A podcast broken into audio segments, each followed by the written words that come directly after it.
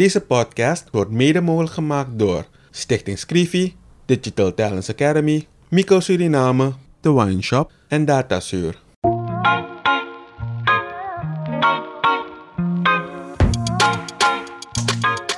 In een ontspannen sfeer praten journalist Kevin Hadley en challenger Vincent Kenswell met verschillende personen over de uitdagingen en de kansen van hun werkgebied. Samen proberen ze door oplossingsmodellen te bespreken positieve ontwikkelingen op gang te brengen.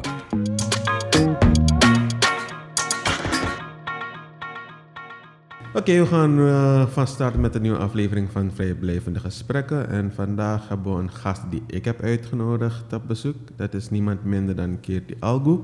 Kirti ken ik al een uh, aantal jaren. Maar um, ja, laten we toch gewoon beginnen met uh, wie is Kirti Algu?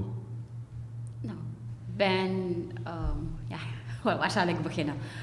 Ik ben van. Ik ben 36 jaar. Ik werk op Paardek als onderzoeker. Uh, daarnaast ben ik sporter. Ik kom bezig uh, met martial art. Uh, actief, al langer dan 15 jaar, nu bijna ja, 18, 19 jaar al. Ik doe taekwondo, ik doe penchaksila. Het is eigenlijk mijn liefde.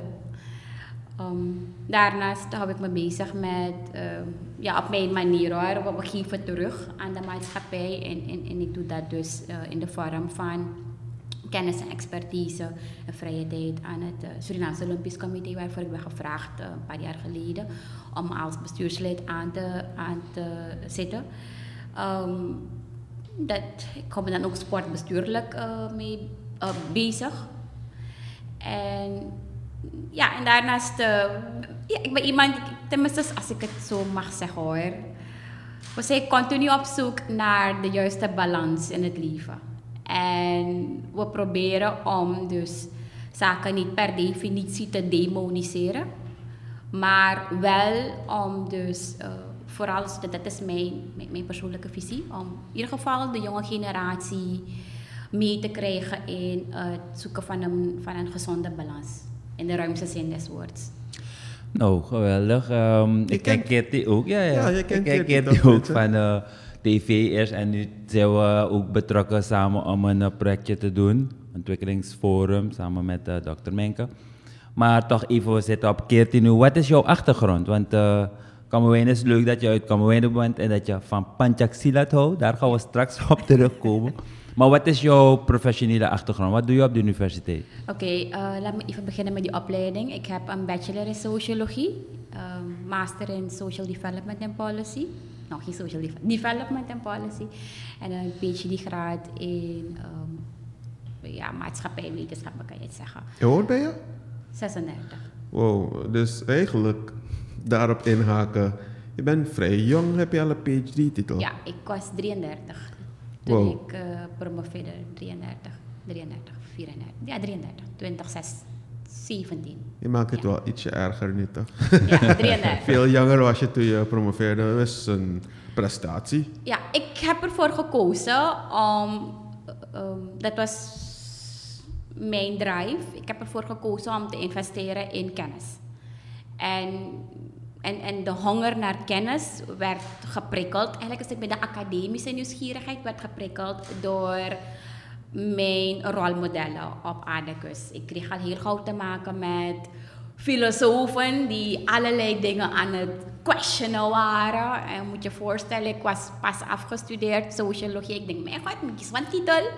Toch, ik kan die BSc achter mijn naam zetten. Ik uh, studeer af in, in oktober um, 2017 en in januari geef ik me op voor de masteropleiding. In februari kreeg ik de cursus uh, Research Philosophy en um, Glenn Sankatsing was toen de, de docent en die zei van nou, sociologie heeft geen recht van bestaan. Zo. Ik viel achterover. Ik heb nog net niet uitgescholden. Eigenlijk, je, je, voelt dus dat je, dat je op drijfstand terechtkomt. Alle ankerpunten in je leven veranderen plotseling. Maar dat was de meest uitdagende, de meest provocerende, uh, meest uitspraak van een docent. En Um, zijn, in zijn school, zeg maar, uh, school moet je daar ruim zien. Dus niet, niet, niet in termen van dus een klas, maar gewoon in zijn ideeënvorming ben ik dan opgegroeid. En daar heb ik dus voor een groot deel mijn, mijn vorming aan te danken. We hebben dus zeg maar vier, vijf, misschien zelfs langer hoor. Vanaf 2008, 2009 hebben we dus uh, meegedaan met zijn academic encounters. Die waren dus op Brownsberg. Samen met meneer Menke, die dus de trekker was uh, vanuit Suriname. Met name de Stichting Wetenschappelijk Instituut. En that changed my life. Ik heb dus zaken leren interpreteren. En het, het, ik, ik, vond het een perfecte match tussen, uh, tussen mijn eigen passie mijn wereldvisie, uh, levensvisie, maar vooral ook dus mijn professionele keuzes. En wat was je passie? of wat is je passie? Kennis. Oké, okay, dus, ja, dus, dus die dus, kennis, dat is krachtig. Kennisontwikkeling. Ja, ja, en niet gewoon kennisontwikkeling om, om mensen te laten zien dus dat je allerlei titels hebt. Nee. Maar een stukje confidence ontwikkelen um, om over dingen na te denken. Van waar komt dat? Want je noemde, je bent in Kamerwijnen opgegroeid, dus je bent naar OS Kamerwijnen gegaan of zo? Nee, ik, ben, ik zat op de Shriwa Studioschool, dat was de Senaat en Hermschool, gemeenteschool in Kamerwijnen. in Kamerwijnen, meerzorg. Mm -hmm. Daarna um, was, zat ik op de School, Milo School. Ik was Milo B. Uh, ik slaagde toen daarna, kwam, kwam op Lico 2, uh, Weidestraat. En ja, eigenlijk, ik, I was kind of a nerdy nerdy from the beginning. Dus het onderwijs was mijn houvast. En op een gegeven moment rol in de sport. Charlie's Angels natuurlijk, dat was mijn inspiratie. Dus op een gegeven moment rol ik in sport. Um, dat is echt heel mooi om te horen. Dat je zo geïnspireerd ja. raakte van Charlie's Angels. En dat je ja, dan Charlie's Angels was een gevechtsport. Was leuk, was leuk. Ik vond die dames zo sexy en zo stoer. Ik dacht van, hé, hey, dat lijkt me iets spannends. En natuurlijk, het was awkward. En ik was ja, maar goed, straks daarover meer. Maar um, wat ik niet verteld heb, is dus dat ik in mijn tienerjaren, 15, 16, in een soort identiteitscrisis terecht kwam. Kijk, ik ben vrij beschermd opgevoed en een heleboel discussies uh, voer je dan binnen huis. Toch? Ik heb een ja, relatief, ik zou niet zeggen traditioneel, maar een relatief gesloten omgeving, cultuur. Ik, ben Hindoestaanse van huis uit. Dus je wordt opgebracht met een aantal normen en waarden. En je ouders letten op je. Je gaat niet overal. Dus dat, dat, dat, dat feestige blazen, dat, dat, dat, dat was er niet echt in. Maar dus vergeleken met mijn peers in mijn omgeving had ik ontzettend veel ruimte om, om, om, te exploreren. Dus, dus mijn carrière uit te zoeken. En, en ik had altijd dus de backing van mijn, moeder in het bijzonder. En mijn vader zorgde voor het geld. Maar mijn moeder, mijn moeder was mijn backbone. En mijn broertje ging natuurlijk mee. Um, maar doordat je dus zo beschermend wordt opgevoed, kom je op een gegeven moment in een vacuüm terecht. En dat had ik. Dus, dus, dus op een gegeven moment, you, you realize that whenever you are isolated, dus wanneer eigenlijk die, dat, dat, dat milieu wegvalt, dat je gewoon uit een babouw gaat staan. Weet je, dus je weet niet meer hoe, how to move forward. En dat was mijn uitdaging en ik realiseerde me dat geleidelijk aan. Um, dat ik van nee, er moet toch wel meer geïnvesteerd worden in jouw persoonlijkheidsontwikkeling, maar ook in je kennisontwikkeling. Dus een, bredere uh, levensvisie ontwikkelen, maar vooral ook zelfredzaamheid. Ik begon ook veel te lezen. Um, ik, ik, las vooral dus uh, uh, esoterische literatuur, spiritueel religieuze literatuur. Um, en ik, ik ma maatschappelijke onderwerpen die waren interessant, maar dus die gaven me geen voldoening. Dus op een gegeven moment in die opleiding kom je dan een heleboel dingen tegen. Nee, maar you evolve. Ik, ja, nee, ik vind het heel interessant. En ik denk nogmaals, onze vrijblijvende gesprekken gaat erom dat we naar oplossingen zoeken, maar ook inspiratie voor degenen die luisteren. En ik denk dat een heleboel van onze jongeren eh, in die groep 15 tot misschien 18 jaar in zo'n vacuüm terecht kunnen komen, toch? Dus dat jij gaat, op zoek gaat naar die, naar die speciale literatuur. Was dat voor jou een onderdeel om, om die gap te vullen? En hoe kom je daarop? Um, Oké, dit is een lastige vraag, maar een goede vraag. Um, ik ben erin gerold, laat me het zo zeggen. Dus via mijn netwerk ben ik erin gerold. Ik kreeg op een gegeven moment vrienden op mijn pad. Eh, studiegenoten die bezig waren met die quest. Oké. Toch? Dus op een gegeven moment krijg je discussies en die ene zit in zo'n kring, de andere in zo'n kring. Dus mensen geven je literatuur en, en, en, en, er ontstaat een, een levendige discussie. Dat was de tijd van ICQ. Hoe noemen Ja. ze dat ding? Chat, MSN. Nou, ik heb het meegemaakt. Dus dan ga je naar kerncomputers en dan ga je chatten. En dan, um, op een gegeven moment blijkt dus dat je chatvrienden ook je mensen zijn op, op, op, op, eh, op school. Dus, dus, dus het was een hele aparte levensfase. Ik ga niet zeggen dus dat ik niks had aan de literatuur, maar het heeft wel mijn horizon verruimd. Ik, ik, had, ik had de mogelijkheid om te kiezen. Ehm, ik had momenten dus dat ik me heel erg aangetrokken voelde tot, tot, tot bepaalde ehm, eh, filosofische, spirituele uitgangspunten. Ehm, maar aangetrokken, maar niet, hoe zeg je dat, geen voldoening. En ik merk dus dat, dat, die, dat die gap in die voldoening zat vooral dus in het, in het intellectuele, in het begrijpen. Toch? Eh, maar het is heel moeilijk om, om, om dogma's te accepteren. Want als je dogma's accepteert, dan neem je alle ruimte weg voor, alle ruimte van, jou, van jouw intellectuele capaciteit, jouw cognitieve kracht weg. Toch, het maakt je lui. En, en daarin, da- daarmee kon ik me niet verenigen. Dus ik dacht aan mezelf, er is, er is een angel in het geheel. En die, die speurtocht leidde mij zo'n beetje. En op een gegeven moment kwam ik in de rol in de sport. En ik moet zeggen dus dat de sport mij enorm gevormd heeft. Ik heb daar de beste rolmodellen gehad in het leven, als ik het zo, maar, zo mag zeggen. Ehm, collega's, sporters die ontzettend humble zijn, die, die, die voor mij dus bijna top of the line zijn voor Suriname, maar zo humble zijn en waar ik bijna u tegen kan zeggen. Of u tegen zeg. Hun, hun, hun manier van oplossen van problemen, de setbacks. eh, en, en, en vooral dus materiële vooruitgang, want dat, is, dat was echt een punt. Iedereen wil geld maken, iedereen wil groeien, iedereen wil huisje, boompje, beestje, wil, wil, wil dure auto's. Ik heb in de sport geleerd om daar anders, om anders mee om te gaan. Om niet te azen op glitter en glamour. En ik denk dat dat, dat, dat de belangrijkste meerwaarde is van die, van die sportontwikkeling in mijn leven. Dus je had wel een goede combinatie sport en school. En je wist ze ook goed te combineren. Ja, ja. En daarom dus dat ik op een gegeven moment zoiets had van, ik, ik, I have to give back. En ik ga niet zeggen dus dat ik het model ben in giving back. Weet je, als ik dus kritisch reflecteer op what I'm doing. Dus, dus, dus ik, er kan zoveel beter gaan.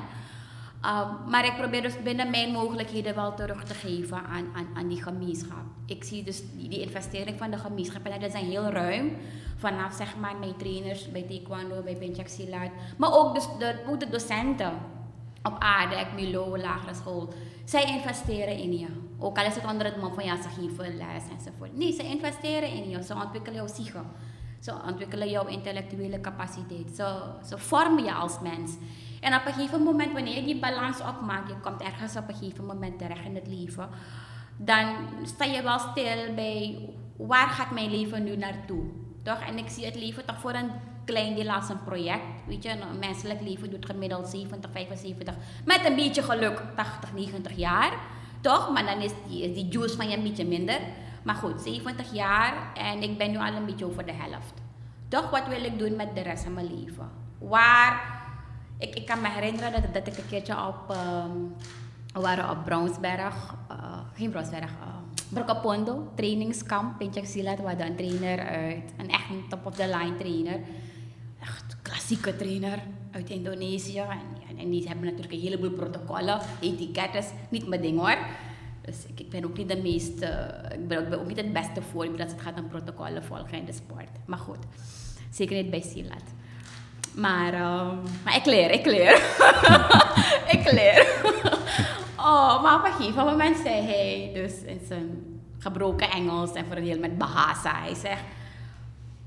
Zorg ervoor dat wanneer je je ogen sluit en je in het graf ligt, je een meerwaarde hebt.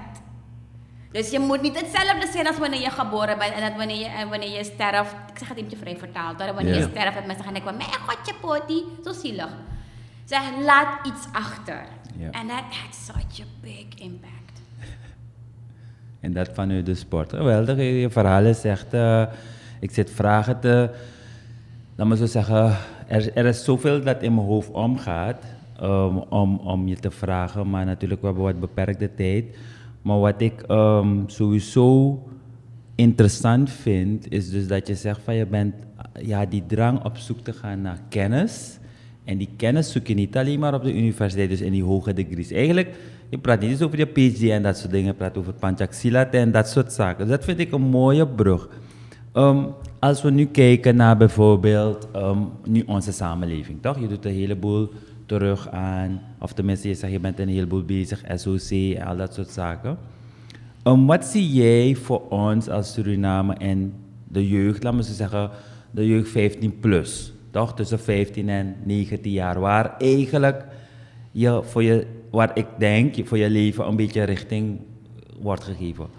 Waar zie jij um, dat we als collectief Suriname of als individu moeten doen, nu, in de gegeven situatie, om inderdaad die positive impact willen hebben? Um, kijk, ik, ik denk al aan post um, over dit onderwerp hoor. Uh, maar dus niet alleen op 15 plus, maar gewoon in general. Mm -hmm. Ik denk dat wij dus geleidelijk aan, door allerlei omstandigheden en onder invloed van allerlei factoren, steeds meer, steeds meer vervallen tot oppervlakkigheid.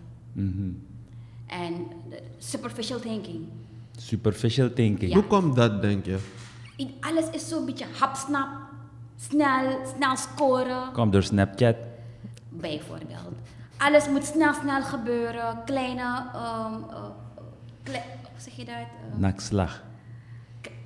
Kleine succesjes. Mm -hmm. En dat plotseling mooi verpakken en, en neerzetten als te zijn een gewichtig, een gewichtig achievement. In de sport kan je dat niet. Ik kan niet als witte band er binnenkomen. Maar laat me, laat me, laat me dit voorbeeld geven. Het is, is, is eigenlijk om alleen te illustreren wat, wat in mijn ogen misgaat. Mm -hmm. Ik had nooit gedacht dat ik ooit een zwarte band aan mijn middel zou krijgen. Nooit. Waarom niet? Gewoon omdat ik niet eens kon rennen. Ik kon niet eens 300 meter rennen. Dus ik zat te hijgen en te puffen en, en, en mijn lichaam deed niet mee. Ik had, ik had een drempel van hier heb je me niet in mijn hoofd. Ik begon met, met, uh, met de sport uh, toen ik um, bijna 18 was, 17, 18, met jongens en meisjes jonger dan ik. Ze waren allemaal veel beter dan ik, dus ik, ik, had, ik had een verschrikkelijke confidence issue. Toch? En het, is, het, is, het, het zijn kleine pasjes geweest vanaf een simpele basisstand, een armblok, vuiststoot. Maar vooral waar, ik, waar ik het meest voor bang ben geweest. Het is een breektest, die plank breken. Ik had mezelf zo getraind om met al mijn kracht voor de plank te eindigen en niet door de plank te gaan. You know, that was a hell of a job. Ik heb mijn trainers slapeloze nachten bezorgd. En het heeft me jaren gekost, drie, vier jaar om dus mijn zwarte band te behalen. En mijn trainers zei me altijd van, het gaat niet om quick fix. Hij zegt, heb geduld met jezelf, investeer en laat het onderdeel worden van wie je bent. Laat het bezinken. En bij Silat is het nog mooier geworden. Want bij Silat werd dus die filosofie, was, was eigenlijk met traditionele vorming hoor. Daar kreeg ik dus echt veel meer te maken met, met, met de beweging en de ademhaling en de filosofie. Maar ook dus die vertaalslag naar, naar die dagelijkse praktijk. Stap af van het oppervlakkig denken. En probeer dus die beweging je eigen te maken. Wanneer je gaat denken van dat je Bruce Lee gaat nadoen door, door naar één of twee films te kijken, dan ben je er niet. Je reflexen zijn niet daar. Nou, die sport heeft me geleerd om niet oppervlakkig bezig te zijn, maar gewoon zaken te internaliseren en een basis te leggen. Hoe beter je basis, en dat wijst dus de sport al over uit, hoe beter je basis, des te beter je performance. En grootmeesters gaan altijd terug naar hun basis. Nou, wat ik mis in die hele ontwikkeling van Suriname, maar dus vooral dus in, deze, in dit geval dus de 15-plussers, we, we investeren te weinig in onze basis. En, en, en, basis moet je dan ruim zien. Basis kan je zien in termen van curriculum, in termen van structuur, in termen van, van, van, van sport, uh, van boeken, van talent, van vorming. Bij een klein beetje tegengas geeft men op. Hm. Yeah. Toch, dus, dus, dus die, die houding om te incasseren. If je kiest mankeer dan moet je, dan, mijn trainer zou zeggen van oké, niks, niet erg. Ik heb gehuild al tijdens de, tijdens de training. Ik heb dagen gehad dat ik gewoon niet meer wil. Ik heb echt gehuild. Van, uh, van pijn en zo. En frustraties. Um, en wie, wie, bracht, wie, wie bracht je daar ook toch nog Mijn trainers, ja. Ik, ik heb, die gingen gewoon door? Ja, ja, ja, ja, ja, mijn trainers die hebben me over mijn drempel getrokken. En die zeggen, die zeggen me altijd van ik ben niet de makkelijkste leerling geweest. Dat, dat, dat, dat weet ik ook hoor. maar waarom denk je dat die trainer toch die, die confidence had dat je het zou kunnen halen? Dus wat was denk je bij hun, hun mindset? Because they know that you have a potential you can develop. Oké. Okay. Door gewoon doorzetten. Doorzetten. Perseverance. doorzetten. En dat is wat ik dus mis. Dus die doorzetting in, die in combinatie met een bepaalde focus. Dat maakt dus dat wij eigenlijk, we get lost along the way. En heb je zoveel distractions. Denk Facebook, Snapchat, leuke dingen, parties. Maar denk je dat die, die, die, die, die urge, moet, het, moet er, die omgeving, is dat belangrijk om jou, um, laat me zo zeggen, te vormen in dat stukje op, of het pad of is het echt iets dat van binnen moet komen? Ik denk dat het een combinatie is. Kijk, ieder individu is anders. Toch? En, en dat moeten we respecteren. We moeten ervoor zorgen dus dat we niet iedereen over dezelfde kam scheren. Nee. Ieder individu is, is, is uniek. Uh, maar ik denk dus dat je wel in een samenleving, en met onze diverse samenleving, en divers moet je cultureel, etnisch, karakter, politiek, financieel, opleiding, we zijn ontzettend divers.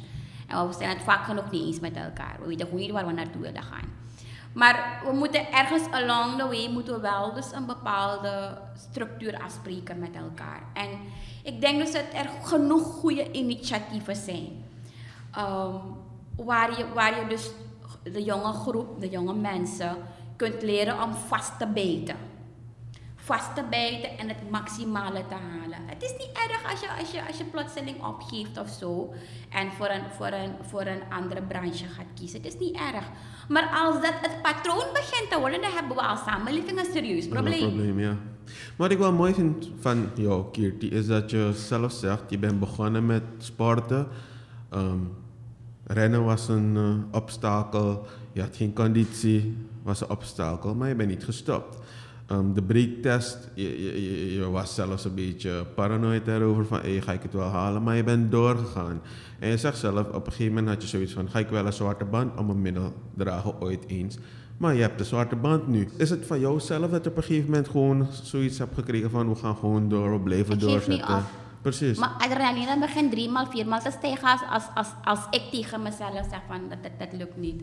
Dus ja, dat is een van de vervelende dingen is. Dus wanneer ik mijn hoofd op iets zet, dan luister ik, luister ik niet eens meer naar mezelf. Maar dat is toch een dus, goede eigenschap, zou ik denken? Dan ga ik, ga ik, er echt helemaal op. Dus, dus, dus ah, ik, ik, weet niet hoe, ik weet niet van waar ik die energie haal, maar ik ga er helemaal voor. Ik, I don't take a no for an answer. En is dat belangrijk voor niet eens alleen jongeren, maar voor ons als persoon, als we dat, we, dat we meer moeten gaan focussen op zaken? En... Ik, absoluut, absoluut. Dus, dus onze doorzetting is, is, is belangrijk. Maar kijk, je hebt doorzetten op twee manieren. Um, je, een samenleving is natuurlijk veel ruimer. Weet je, je hebt meerdere processen die simultaan lopen, die parallel lopen. Um, maar ik, ik, ik, ik denk dus dat we wij, wij als samenleving dus ook continu um, positieve energie onderwaarderen. En, hmm. en, en, en, en dat is jammer. Dat, dat is jammer. Kijk, het, het, het, of het nou het onderwijs is of, of de politiek. Die sectoren zijn een weerspiegeling van hoe we zijn als mens. Toch, we kunnen nu vies en veel schelden op, op, op, op deze regering of op de vorige regering of de regering die komt. Ze zijn een weerspiegeling van die samenleving. Toch, dus als wij een, een, een, een betere samenleving willen hebben. Ik zeg altijd van of het nou, of het nou de, de president is of de vicepresident is of het, of het de minister is. Ik zeg, die man daar is een, is een weerspiegeling van onze collectieve jeje. Ja, klopt. Dus wij moeten als samenleving ervoor zorgen, dus dat we in ieder geval in huis proberen om dus de positieve cellen. En positief wil niet zeggen dat je tegen, ja, tegen alles ja en amen zegt. Maar dus dat je een critical, een gezonde critical stance neemt. Maar dat je dus blijft investeren in de beste potentie van jouw mensen. Daar gaat het om. Je ziet al heel gauw wat de potentie is van je mensen. En soms sommige mensen zijn zoekende. Maar geef ze de ruimte. Binnen Silat zeggen we altijd van je hoeft niet altijd perfect te zijn. We hebben in onze groep, het is de kleinste groep, met de, maar ik heb de meeste, meeste groepsapps bij Silat. Het is de kleinste groep, maar met de meeste groepsapps. Groepsapp voor dit, groepsapp voor dat. Ze maken je bijna knettergek. Maar er, is ons, er wordt ontzettend veel geïnvesteerd in, um, in het zoeken van een correcte balans. Er wordt, er wordt rekening gehouden met, met, met het unieke van iedere atleet. Je moet mij niet vragen om allerlei sophisticated jumps te maken. Ook al heb ik taekwondo. Ik, ik, ik heb verschrikkelijke hoogtevrees. Toch? Um, maar we, we come together. En soms worstelen we met elkaar. En geloof me, soms wanneer ik met, met iemand anders moet trainen. Mijn broertje en ik kunnen niet samen trainen hoor. Want ik, ik, we gaan gewoon niet door één deur. Echt, we gaan niet door één deur. But... Um, wat je wel hebt is dus dat in de training onze trainer ons altijd leert van het is de yin-yang. Ja. Toch? Wanneer je dus samen gaat en het botst op een gegeven moment, zoek. Zoek, zoek, zoek die balans met elkaar. Ga niet bij het minste en geringste opgeven. En dat extrapoleer ik ook naar die samenleving. Toch? We hebben discussies, we, we, we, we botsen met elkaar. Maar ga niet bij het minste en geringste gas doorgeven of tegenover elkaar staan. You can find the balance. Vandaar is dat ik het verhaal begon met van, weet je, ik zoek continu die balans, balans tussen ja. die dingen. We beginnen en we eindigen met dat stukje. Hè? Ja, nee, ik vond het een uh, hele en ook energievolle vol gesprek. Um, we hadden geen koffie nodig. Nee, gelukkig hebben we er coco